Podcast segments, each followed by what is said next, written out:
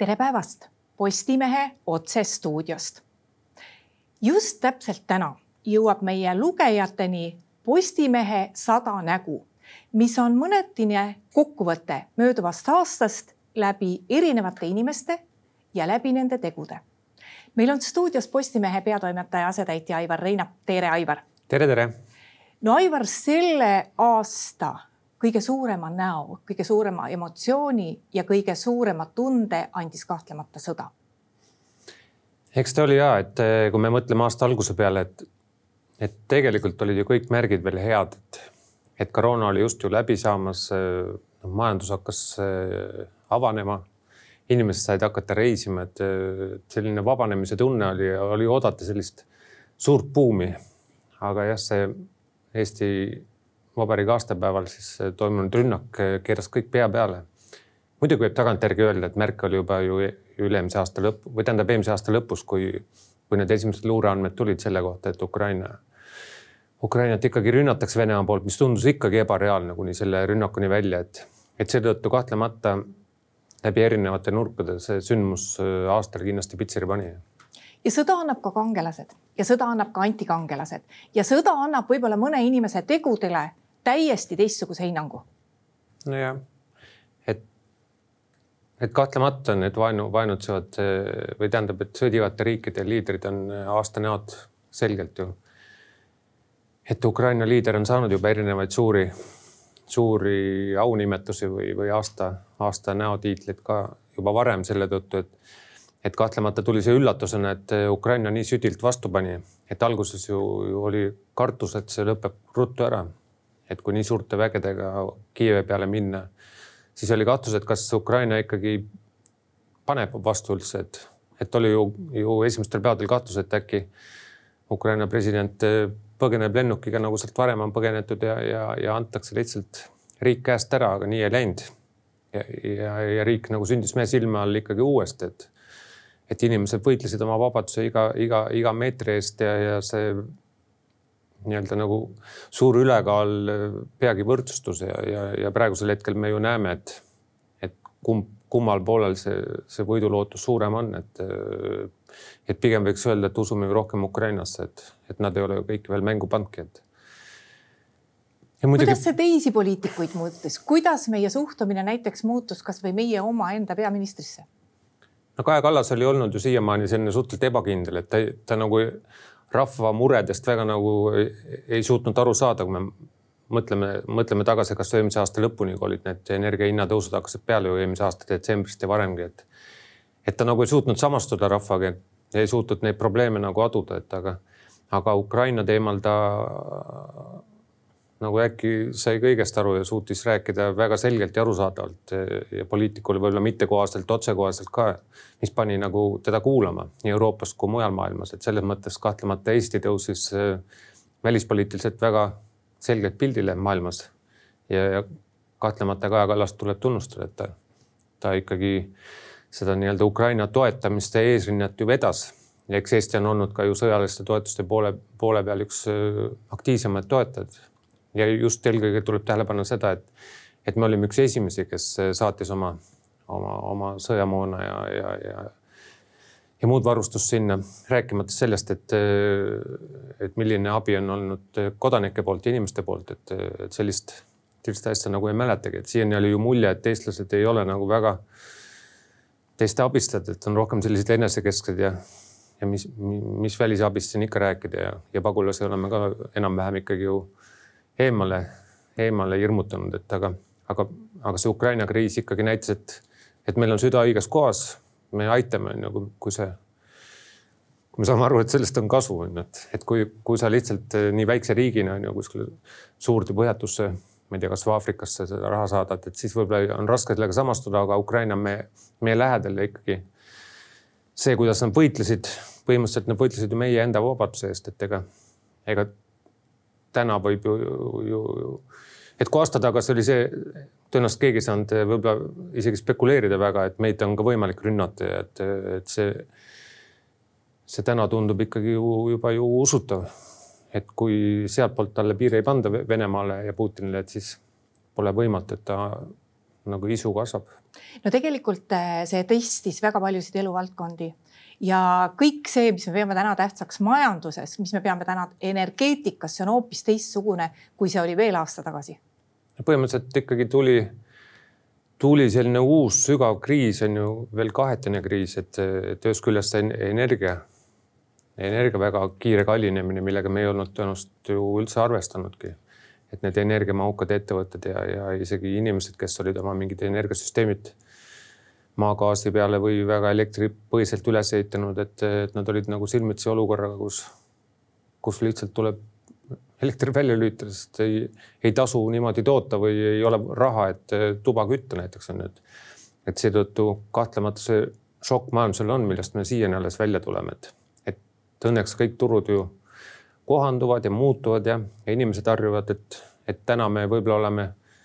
palju kindlamalt vaatama tulevikku võib-olla kui see eelmise aasta lõpus või uue aasta alguses, et, et mäletame, kui hirmus oli eelmine aasta detsember, kui me saime selle elektriarve detsembrikuu eest, et see oli, see oli müstika on ju, et, et siin ma tean inimesi, kes nagu kustutasidki reaalselt tuled ära, sellepärast et, et see et kui see hirm oli, et kui tuleb veel külm talv ja, ja sa jäädki maksma oma kogu palga nagu energiafirmale, et see, see tundus nagu arusaamatu, aga õnneks on, on olukord muutunud ja täna, tänane detsember ei ole üldse nii hirmus, et, et enam ei vaadata kella, mis kell pesumasinat tööle panna ja, ja eks see riigipoolne toetus on ka aidanud selle universaalelektri näol no kui me nüüd vaatame, mida inimesed lugesid sel aastal, sest meil on seal selline rubriik ka nagu klikimagnetid ja tavaliselt on seal ikkagi enamasti sellised noh, natuke skandaalse taustaga tegelased, seal on meelelahutajad ja nii edasi, siis tegelikult seal esimesel positsioonil on ikkagi need inimesed, kes kirjutavad sõjast, kes kirjutavad kompetentselt ja kes aitavad meil järge pidada, mis siis täpselt Ukrainas toimub. see oli hea huvitav žanr on see sõjablogijad, et et nad alustasid esimestel päevadel peale. ma arvan, et nad uskusid, et see lõpeb kiiremini ära, et sest eh, osad blogijad olid juba ju eelmisel Ukraina sõja ajal ka blogimas, mistõttu see, et nad uuesti tulid, tundus normaalne, aga, aga kui me nüüd vaatame, et peaaegu aasta on möödas, nad on igapäevaselt peaaegu seda teinud, et, et kahtlemata on see tänuväärne töö, et need on muidugi mõneti ka ette heidetud, et kuidas nad nii kindlalt võivad mingit infot levitada, kui kui Ukraina ju tegelikult peidab seda infot, et see on, see on selline suhteliselt tunnetuslik küsimus, aga mingisuguse pildi see kahtlemata annab ja, ja, ja toob meile selle sõja analüüsi võib-olla kuidagi lähemale, et. aga eks inimesed kindlasti janunesid äh, info järel ja esimestel päevadel veel eriti, et, et ega Postimehe lugejanumbrid tegid ka ju nendel sõjapäevadel ja esimestel nädalatel ja kuudel ikkagi rekordid, nii nagu ta tegi koroona alguse ajal, et et sellised ootamatud sündmused äh, panevad inimesed uudiseid neelama ja tahavad vastuseid ja analüüse saada ja eks me oleme seda ka andnud. kui palju sõja kontekstis me hindasime ümber, ümber riigijuhte? noh, Putini puhul äh, me teadsime, kes ta on ja mis ta on. noh, ta sai veel, veel hullemate asjadega hakkama, kui eeldati, aga teiste Euroopa riikide juhte, ka Euroopa kõrgeid ametnikke et äh, kuidas me oleme nagu neid hinnanud selles kriisis? eks see näha oli, et, et eelkõige Saksamaa ja võib-olla need suuremad liidrid seal, ka Prantsusmaa pea, peaminister president, et,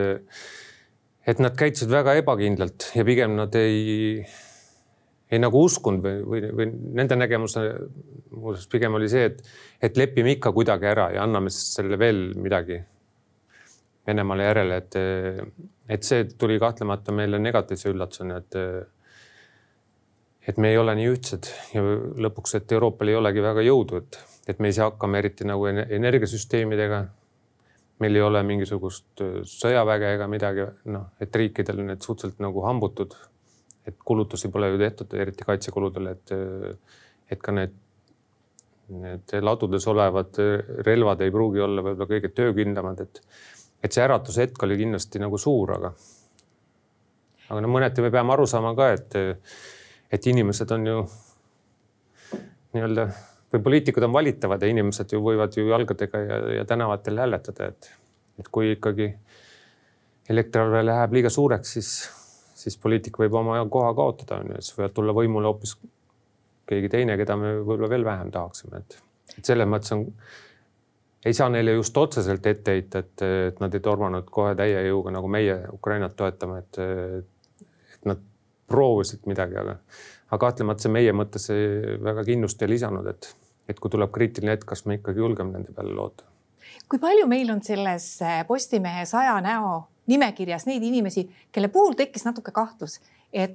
tal on nii positiivseid tegev tegevusi, kuid ta on ka mõne asjaga ämbrisse astunud. Aga see nimekiri ei olegi nagu positiivsete inimeste au, autahvel, et, et siin ongi need eh, nii põrued, noh, mõtleme kasvõi meie Keskerakonna juhile näiteks Jüri Ratasele, kes oli ju meil aasta alguses valitsuses ja, ja oli väga nagu bravuuri täis on ju, kui ta, kui ta Riigikogus läks oma partneri vastu selle lastetoetuse seadusega ja kaotas lõpuks kõik on ju, et, et Keskerakond ei ole enam ju see, kes eelmine, kes veel aasta alguses oli, et selline tugev nagu teine partei, et nüüd nad on ju, kempevad seal vaevalt kolmanda koha peale. ja kuidas, kuidas siinsamas meil endalgi noh, mõtleme kasvõi või sotside ja Isamaa peale, et, et aasta algust nad ei olnud ju üldse pildil ja et oligi mingisugune opositsioon, kellest midagi aru ei saanud, on ju, mille eest nad seisavad, aga kui nad said nagu valitsusse ja äkki lõid veel ukse lahti ja hakkasid midagi nõudma ka, et siis me saime aru, miks need vajalikud on, mis on nende prioriteedid või, või, või miks neid peaks toetama, et, et selles mõttes läks kindlasti pilt huvitavamaks, aga, aga osad kindlasti kaotasid, et selles mõttes pole, pole midagi teha. aitäh, Aivar. aitäh. ja nüüd on üks sajast näost meil ka stuudios ja tema kõrval on teine inimene, kes sellest inimesest kirjutas, ehk siis Sergei Metlev, kes tegeleb kõige sellega, millest me kirjutame või kuidas me kirjutame vene keeles ja Aimar Altosaar, kes portreteeris sind. Aimar, kõigepealt sõna sulle, et äh, miks Sergei on meil aasta trendilooja ja, ja mis see täpsemalt sinu jaoks tähendab? aga noh, see on ju nii selge, et äh, Sergei on ju meil nüüd kevadest Postimehe venekeelse osa toimetaja. ja ta teeb pagana head tööd. Ja mida siis veel selle juurde lisada, sest et see lünk on nüüd väga kenasti täidetud, et, et selline informatsiooni levik ka venekeelses elanikkonnas, noh ikkagi nende hulgas, kes huvituvad lugemisest ja huvituvad ühiskonnast, kellele Eesti pakub minimaalseltki huvi, nendel on olemas nüüd vaimutoit ja Sergei on selle käimalükkamisega väga hästi hakkama saanud. No sa nii kenasti kirjutad Sergeist tegelikult, et ta on hea näide sellest, kuidas eh, hülgamata oma emakeelt saab väga ilusasti rääkida eesti keelt, mida sa ju iga päev teed. aitäh sulle selle eest aitäh, mul tasapisi põsed lähevad juba punaseks, sest nii palju kiitussõnu ei ole ma ammu kuulnud. meid Aimariga siin Postimehe teisel korrusel lahutab paarkümmend meetrit, aga mul ei olnud õrma, õrna aimugi, et Aimar kavatseb niimoodi kirjutada. aga see aasta, pean ausalt ütlema, loomulikult oli venekeelsele meediale Eestis nagu väga tormiline, ühelt poolt sellepärast, et pidi väga selgelt ennast uuesti väärtuseliselt positsioneerima selle tohutu suure katastroofilise sõja sõja taustal. aga teine asi on see, et eh, venekeelne meedia pole kunagi olnud selle kolmekümne aasta jooksul niivõrd professionaalne ja mahult suur, kui ta praegu Eestis on no Aimar mäletab väga hästi neid aegu, mis olid kolmkümmend aastat tagasi ja tunnistab kindlasti ka seda, et me jätsime paljud tööd unarusse ja üks nendest töödest kahtlemata oli see, et me ei suutnud liita eestikeelset ja venekeelset kogukonda mitmeti, aga eriti me ei suutnud neid ju ühtsesse inforuumi liita ja, ja selle jälgi tuleb meil täna väga ruttu tasandada. miks see nii läks? no ma võin enda poolt lihtsalt öelda, ma ju kogu, kogu suurt ühiskondlikku protsessi ei suuda võib-olla kohe haarata, aga ma võin enda näitel küll öelda, et et ka püüdsin tol ajal venekeelset pressi jälgida, siis olid ju veel mõned nõukogude ajast jäänud väljaanded, mis ka Eesti ajal eksisteerisid edasi, siis tulid ka mõned juurde. aga, aga ma nägin, et see press ei noh, ei toitnud vaimu enam, et kuidagi noh, jäis nendel jälgedel, mida siis nagu noh, selline noh, tavaosa või tavaline osa venekeelsest elanikkonnast oli harjunud tarbima. Aga noh, see polnud üheksakümnendatel veel ohtlik, aga noh, ta oli lihtsalt ebahuvitav, ta muutus ebahuvitavamaks ja aga kahe tuhandetel aastatel, kui ka mul oli võimalus kohtuda oma tolleaegsete ametite tõttu Vene, Vene Föderatsiooni ajakirjanikega, siis ma ehmusin ikka ära, et mis juhtunud on. sest mul oli ikkagi ka, ma arvan jälle ühiskonnas oli see võib-olla laiemalt, laiemalt noh, samasugune tunne kui minulgi, et kaheksakümnendate lõpul, üheksakümnendate alguses oli Venemaal väga hiilgav plejaad ajakirjanikke, teleajakirjanikke, ka kirjutavat pressi ja, ja siis äkki kahe tuhandete alguses olid nad kuhugi kadunud. Ja, siis vaatasin ka meie kodumaisel noh, venekeelsel turul nagu see mm, ajakirjandus kuidagi ei kiratse, muutus väga selliseks eh, noh, kommertslikuks, oli sellist kõige, kõige sellises lühe, lühemas mõttes, et ei olnud pikka vaadet, vaid reageeriti lihtsalt noh, ilmselt samadele teemadele, mida siis järjest rohkem hakkas eh, Vene, Venemaa eh, press neile ette söötma. See oli nüüd üks pool. Ja teine pool muidugi noh, Eesti, eestlasena, eestikeelse meedia jälgijana eh, tõepoolest meil kadus ka huvi, noh, minul kadus ka huvi ära, ma tunnistan, ma olen vene keeles kogu aeg lugenud ja lihtsalt noh, lihtsalt ei huvitanud, mis seal toimus. Ja esimene äratus oli kaks tuhat seitse, kui te mäletate pronksiöö, et oi, mis nüüd juhtus. aga noh, ju siis, ju siis see väga ei äratanud veel. Sergei, kes on need inimesed, keda saab kasutada venekeelses meedias seetõttu, et neid inimesi usutakse. keda usutakse, keda venekeelne elanikkond usub, kui sul on vaja mingit küsimust selgitada, keda sa kasutad, kes need inimesed on? no esiteks on ikkagi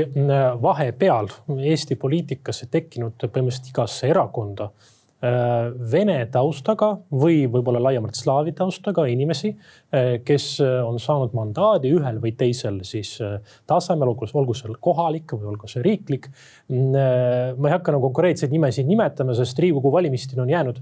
vähe aega, et mitte reklaami teha, aga neid on, selles mõttes sellega nagu probleemi ei ole et mõned tekitavad rohkem reaktsioone oma keelekasutuse tõttu, teised vähem, aga sama asi ka tegelikult ekspertkogukonnaga et siin on äh, meil kogu aeg venekeelses Postimehes äh, eksperdid, äh, kes Venemaad analüüsivad, kes sõda jälgivad, kes vene keelt valdavad. Ähm, et selles mõttes olukord on palju teistsugusem, kui see oli näiteks, ma ei tea, selle pronksiöö aegu, kus mulle tundub, et, et see defitsiit oli palju-palju nagu tugevam. ja mis on tähtis, tähtis on ju see, et on järjest rohkem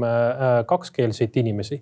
Eh, kes absoluutselt orienteeruvad mõlemas kultuurilises eh, siis sfääris ja kes suudavad rääkides vene keeles publikule, mitte jääda totaalselt kinni nagu Vene prismasse või mingisugusesse mikromaailma, vaid arutavadki asju intellektuaalselt, huvitavalt, üldiselt nagu oleksid seda teinud eesti emakeelega eksperdid, aga teevad lihtsalt, lihtsalt vene keeles Eestis. et see on ka loomulikult noh, Vene Postimehe üks selline alati olnud suund, et me peame rõhutama seda, et Eesti elu ja Eesti ajakirjandus on meil üks, aga seal on olemas lihtsalt kaks keelelist nüanssi juures. Aimar, sa kirjutad või kirjutasid ka ühest aastakaotajast ja see on Mihhail Stalnuhhin, mis sa kirjutasid temast? kas sa, kas sa saad või kas sa oskasid välja tuua põhjuse, miks ta kaotas, et näiliselt jah, me kõik teame, miks ta on aasta kaotaja, mis seal taga on? no Mihhail Stalnuhhin on olnud ju Eesti poliitikas vähemalt kakskümmend aastat ja üle kahekümne aasta ja noh, Narva kohalikus poliitikas veel kauem. ja see on täiesti hämmastav, et kuidas on võimalik Eestis elades, Eesti poliitikas kaasa lüües jääda Eestile nii võõraks seal ei päästa, et ta oskab eesti keelt perfektselt, et ta kirjutab ka eesti keeles ja tal on lasteraamatud. ta tegelikult on äh, noh, nüüd tuli see välja sel aastal eriti reljeefselt, et ta on ju tegelikult ikka see Vene maailma esindaja no ju narvalased teadsid teda sellisena juba pikka aega, sest et ka tema on olnud see üks neist Narva noh, nii-öelda pimeduse vürstidest, nagu seal varem, varem oli, ma nimetan ka oma selles loos, et Mihhail, vabandust, Vladimir Tšuikin, Malkovski, kes seal on kõik olnud sellised noh, kes kramplikult on hoidnud Narvat selles sovjeti ruumis kinni. Ja Stalnuhhin on seda samamoodi teinud, aga võib-olla natuke sellisel noh, nähtamatumal moel läbi Keskerakonna, mis kokkuvõttes on ise sellele nagu ainult tuld tiiba täitsa puhunud, sest et nad on saanud sealt Stalnuhhini hääli et Keskerakond on kahtlemata ka paljuski olnud selles mõttes vastutav, et Stalnuhhini-sugused tegelased on seal saanud õitseda ja õilmitseda. aga nüüd siis on olnud aeg noh, kogu see kate ära võtta ja me näeme seal lihtsalt seda Vene maailma kiskja nägu kahjuks. kuidas sa, Sergei, seda seletad? seal on mitu kihistust selle poliitilise profiili all, aga üks on see, et esiteks, kas poliitik peab ainult peegeldama oma valijaskonna kõige nagu sellist äh, nagu vihasemat osa, vaid tal on olemas ka mingisugune vastutus terve ühiskonna ees ja ka oma valija ees, et tema huve esindada nii, et mitte süvendada seda pidevat äh, nii-öelda noh, kibestumust ja mitte nagu lasta valijal veelgi rohkem uppuda omasse sellesse negatiivismi, eks ole. Stalnuhhin on valinud selgelt selle nii-öelda äh, negatiivse tee, eks ole, tema on ekspluateerinud Narvas neid tundeid, mis inimestel on üheksakümnendatel aastatel tekkinud ja pärast on kristalliseerunud, Eesti riik on eemal, võõras, mitte meie. Ja oleme ausad ka eks osaliselt Eesti riik kuni teatud ajani oligi väga eemal, aga Stalnuhhin on seda nagu teinud selliseks nagu väga-väga värvikaks. ja teine asi on see, et mm, ma, kui ma vaatan vot selliste inimeste tegevust, siis mulle alati tuleb meelde see, mille üle tegelikult üheksakümnendate alguses, kaheksakümnendate lõpus äh, pidi Eesti rahvas otsustama, kas see on äh, siis nii-öelda see kolmas vabariik, kus hakkab kehtima mingisugune kodakondsuse nullvariant, kus võib-olla vene keel saab mingisuguse staatuse, kus teistmoodi korraldatakse kogu põhiseaduslik elu või siis see teine variant, mis läks läbi, ehk siis äh, iseseisvuse taastamine ja ei mingit kolmandat vabariiki. Stalnuhhin on selle kolmanda vabariigi mm, tüüpi inimene, tema oleks selles teises Eestis, mis ei teostunud, ikka nagu ratsutamas nii-öelda, nii-öelda õige hobuse peal õigetel staadionitel. ja see kibestumustunne, see arusaamine nagu sellest laest, mis on tingitud tema enda hoiakutest, äh, peegeldub selles, mida ta räägib. no nimetades Eesti valitsust fašistideks ja Eesti ideoloogiat natsionaal-, natsismiks, eks ole no see on lihtsalt selline nii-öelda lõplik tulem kogu tema sellisele eelnevale poliitilisele ja noh, isiklikule tegevusele selles piirkonnas. aitäh, Sergei, aitäh, Aimar. aitäh. aitäh. üks kategooria selles samas Postimehe sajas näos on aastaraputaja. ja aastaraputajate hulka on seekord loetud ka Taavi Veskimägi ja selle artikli Taavist on kirjutanud Karl Robert ja Karl, kui sa nüüd vaatad selle raputamise aspekti, siis tegelikult äh, tõenäoliselt kogu see aasta raputas ehk Taavi Veskimägi ennast hoopis rohkem, kui tema raputas ülejäänud üldsust. absoluutselt, et äh, kui me kirjeldame seda sõna raputajat, siis pigem ju raputas energiaturg ikkagi Venemaa ja ütleme, et Taavi Veskimägi sai selle raputuse nii-öelda enda kraesse ja pidi seda kuidagi edasi peegeldama, mis on süsteemihalduri nii-öelda töö no me ikka tahaksime ju teada, et kas inimene tegi head tööd või halba tööd. Taavi Veskimägi on saanud ohjeldamatult kriitikat aga kui ta oleks tegutsenud teisiti varasematel aastatel, siis ma arvan, et ta oleks kriitikat saanud nii ehk teisiti ka varasemalt juba. No just, et võib-olla, mis on Taavi Veskimägi ja Eleringi puhul veel nagu selline äh, omapärane on see, et Elering vastutab nii gaasi kui ka elektri eest, et kui me vaatame näiteks kõiki teisi Baltikumi ja Põhjala selliseid piirkondi, siis alati on nii, et gaasi eest vastutab üks ettevõte ja elektri eest teine ettevõte. Eestis on need kokku toodud ja nagu me teame, et siis äh, äh, see aasta oli mure, et nii gaasi kui ka elektriga, et Taavi Veskimägi sai nii-öelda topelt, topeltkoormuse endale, aga, aga mis puudutab nende otsuste õigsusesse, siis noh, kui me definitsiooni järgi võtame, et siis äh, süsteemi operaatori ülesanne on hoida võrk toimimas ja kogused kättesaadavana, et seni pole suuri katkestusi justkui olnud ja gaasi pole ka veel otsa saanud, et seni justkui ei saa Eleringile vähemalt selle koha pealt midagi ette heita, et eks siin kui energiakriis on läbi, et siis saame võib-olla täpsemaid hinnanguid anda, et kui hästi, kui hästi või halvasti siis ikkagi Taavi Veskimägi oma ülesannete kõrgusel oli. et me praegu nagu oleme rohkem õiendanud eh, ettevaatuse mõttes, et noh, et äkki midagi juhtub, et eh, meil katkevad gaasitarned või elekter pole kättesaadav, et siis igaks juhuks nagu õiendame tema kallal ette no just, et eks ega, mis see süsteemihaldur ikka väga teha saab, et tema ju uusi äh,, uusi elektrijaamu rajama ei hakka, et äh, et üks otsus, mis nüüd kõvasti meid mõjutab, on see, et äh, Elering hakkas teadupärast juba siin eelmise kümnendi lõpus äh, seda desünkroniseerimise juttu rääkima, et meil on vaja, vaja Venemaast elektrisüsteemist eraldada. kui noh, praegu me võime öelda, et see otsus on nagu täkkesse läinud, et, et jumal tänatud, et me praegu veel seda, me juba sellega alustanud oleme, et kui me praegu taipaks, et oi, Venemaa on kuri naaber, et tema elektrivõrgust tuleb kiiresti lahti saada, et siis ma oleks veel ütleme, et viis aastat kaotanud ja need ohud oleks palju suuremad, et vähemalt ühest üks on praegu nende otsustega näinud, et kas see, kas see terminali ja kogu see krempel nii-öelda tehti õigesti või valesti, et, et see selgub jah, siin ma ei tea, hiljemalt järgmise aasta talve lõpuks äkki. lihtsalt õigluse mõttes, et sina majandusajakirjanikuna oled ju jälginud aastaid seda, kes mida ütleb ja kuidas ühte või teise asjasse suhtutakse no oli vist ikkagi niimoodi, et neid hääli, kes varasematel aastatel ütlesid, et selle desünkroniseerimisega ei ole kas mõtet üldse tegeleda või et noh, et aega on küll, et neid hääli ikka oli? no oli ja ütleme, et noh, see, need hääled arvestasid nagu, arvestasid selle faktoriga, et Venemaa on täiesti normaalne riik, et ütleme, et puht elektritehniliselt, nii nagu mina olen aru saanud, on meil seal eh, Vene elektrisüsteemis olla nii stabiilsem kui ka, kui ka vähemate kuludega saame seal nagu toimetatud, et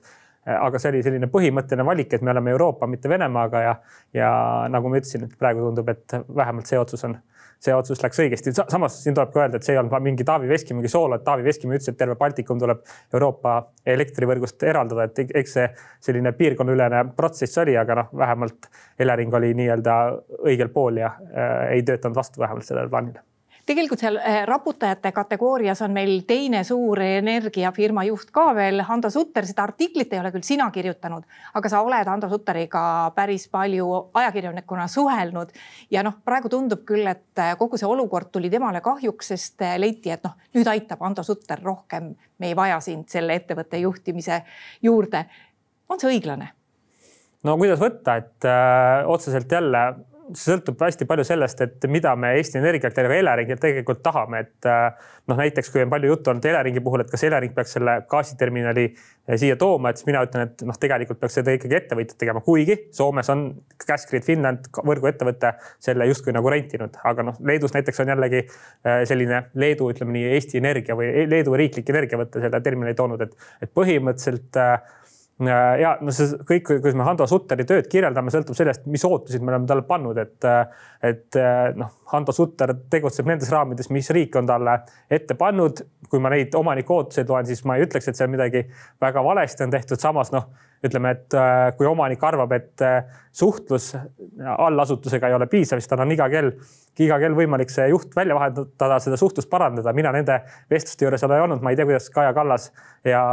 rahandusministeerium Hando Sutteriga läbi saab või ei saa, aga tundub, et äh, vähemalt selles osas jälle sellise riigivahelise kommunikatsiooni poole pealt oli seal mingid vajakajäämised. no äh, majandusvallas tegelikult äh, see aasta rappus päris kõvasti ja, ja eelkõige just äh, Euroopa majandusotsused, mis on siiani olnud seotud just energeetika vallas äh, sellega, et oma elu on üles ehitatud paljuski sellele, et Venemaa jätkuvalt kuidagiviisi toimib. me saame sealt odavat, noh, ütleme, me saame odavalt loodusvarasid seal osta, Venemaa müüb neid meelsasti selles mõttes ju see aasta annab nagu hoopis teise vaate, et